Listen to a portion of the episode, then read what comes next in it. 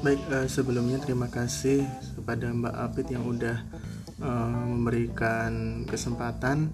Jadi uh, selama pandemi ini, oh ya sebelumnya perkenalkan nama saya Dimas Raditya Lustiono. Saya seorang perawat yang kebetulan ditempatkan di unit gawat darurat di salah satu klinik swasta di Banjarnegara.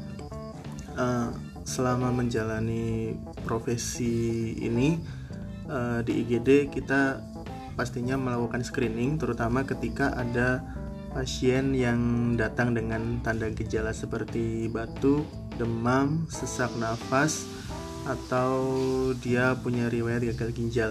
Ketika ada pasien yang datang dengan tanda gejala tersebut, maka kita akan mengeluarkan form form screening dan kita akan menanyakan kepada pasien adakah riwayat perjalanan dari kota seperti Jakarta atau apakah baru pulang dari luar negeri? Jika memang iya uh, maka pasien tersebut akan kita tetapkan sebagai ODP atau orang dalam pengawasan.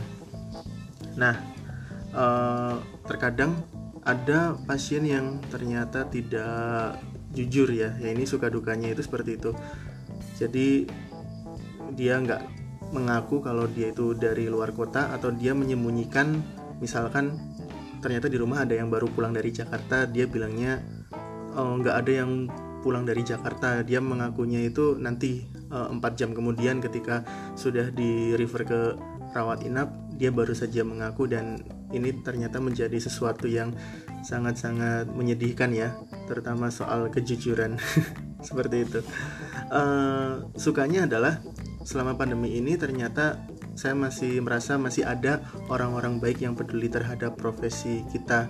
Ada yang mengirimkan masker gratis, ada yang uh, mengirimkan susu kotak gratis kepada para tenaga medis dan itu membuat kami terutama tenaga kesehatan merasa bahwa oh ya ternyata masih ada yang peduli terhadap tenaga kesehatan.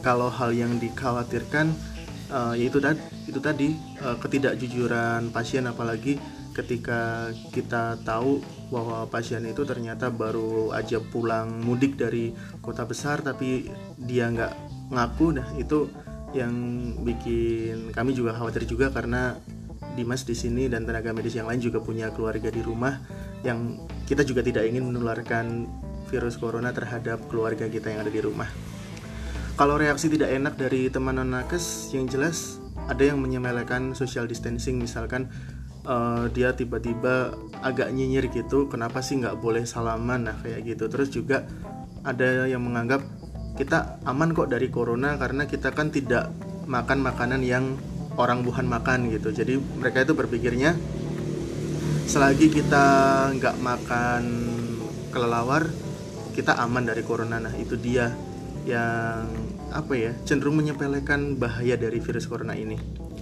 Terus pertanyaan selanjutnya apakah ada rasa ingin mundur?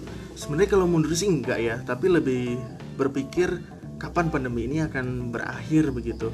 Ya kadang kita nggak habis pikir aja gitu ketika apa ya nggak boleh mudik eh ternyata mudik juga ya sebenarnya hal ini sih nggak bisa disalahkan ya karena memang semenjak diterapkan PSBB atau lockdown ringan di Jakarta banyak sekali perusahaan yang merumahkan para pekerja dan di sana juga keuangan secara nasional kocar-kacir sehingga membuat seseorang yang merantau terpaksa untuk pulang ke daerah asalnya.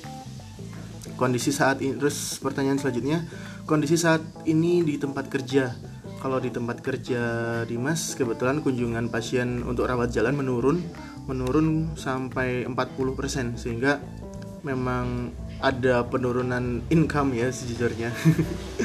uh, penurunan ini salah satu sebabnya itu ya karena itu tadi kekhawatiran dari pasien atau masyarakat uh, karena hampir semua klinik, puskesmas dan rumah sakit pasti pernah menangani pasien PDP. Itu udah pasti. Kalau positif corona sih kalau di tempat di masih uh, sepertinya belum ada ya. Karena ketika ada pasien PDP pasti kita rujuk ke rumah sakit yang lebih besar. Terus selain itu juga ruang rawat inap banyak yang kosong. Karena itu tadi masyarakat takut berobat sehingga uh, hal ini diakali oleh manajemen dengan menawarkan jasa telemedicine di mana pasien dapat mengkonsultasikan kesehatannya secara video call lalu uh, obatnya dikirim melalui jasa kurir yang ada di Banjarnegara. Itu kayak gitu. Terus pesan Dimas, kalau menurut Dimas sih tetap stay di rumah. Jangan dekati sesuatu yang berpotensi menciptakan kerumunan. Terus kalau misalkan terpaksa banget ke pasar begitu, kita harus tetap hati-hati gunakan pakaian lengan panjang ya kalau misalkan buat teman-teman yang nggak pakai jilbab ya mungkin bisa pakai sesuatu yang bisa menutupi kepala itu penting banget terus juga selalu gunakan masker ketika keluar rumah oke okay?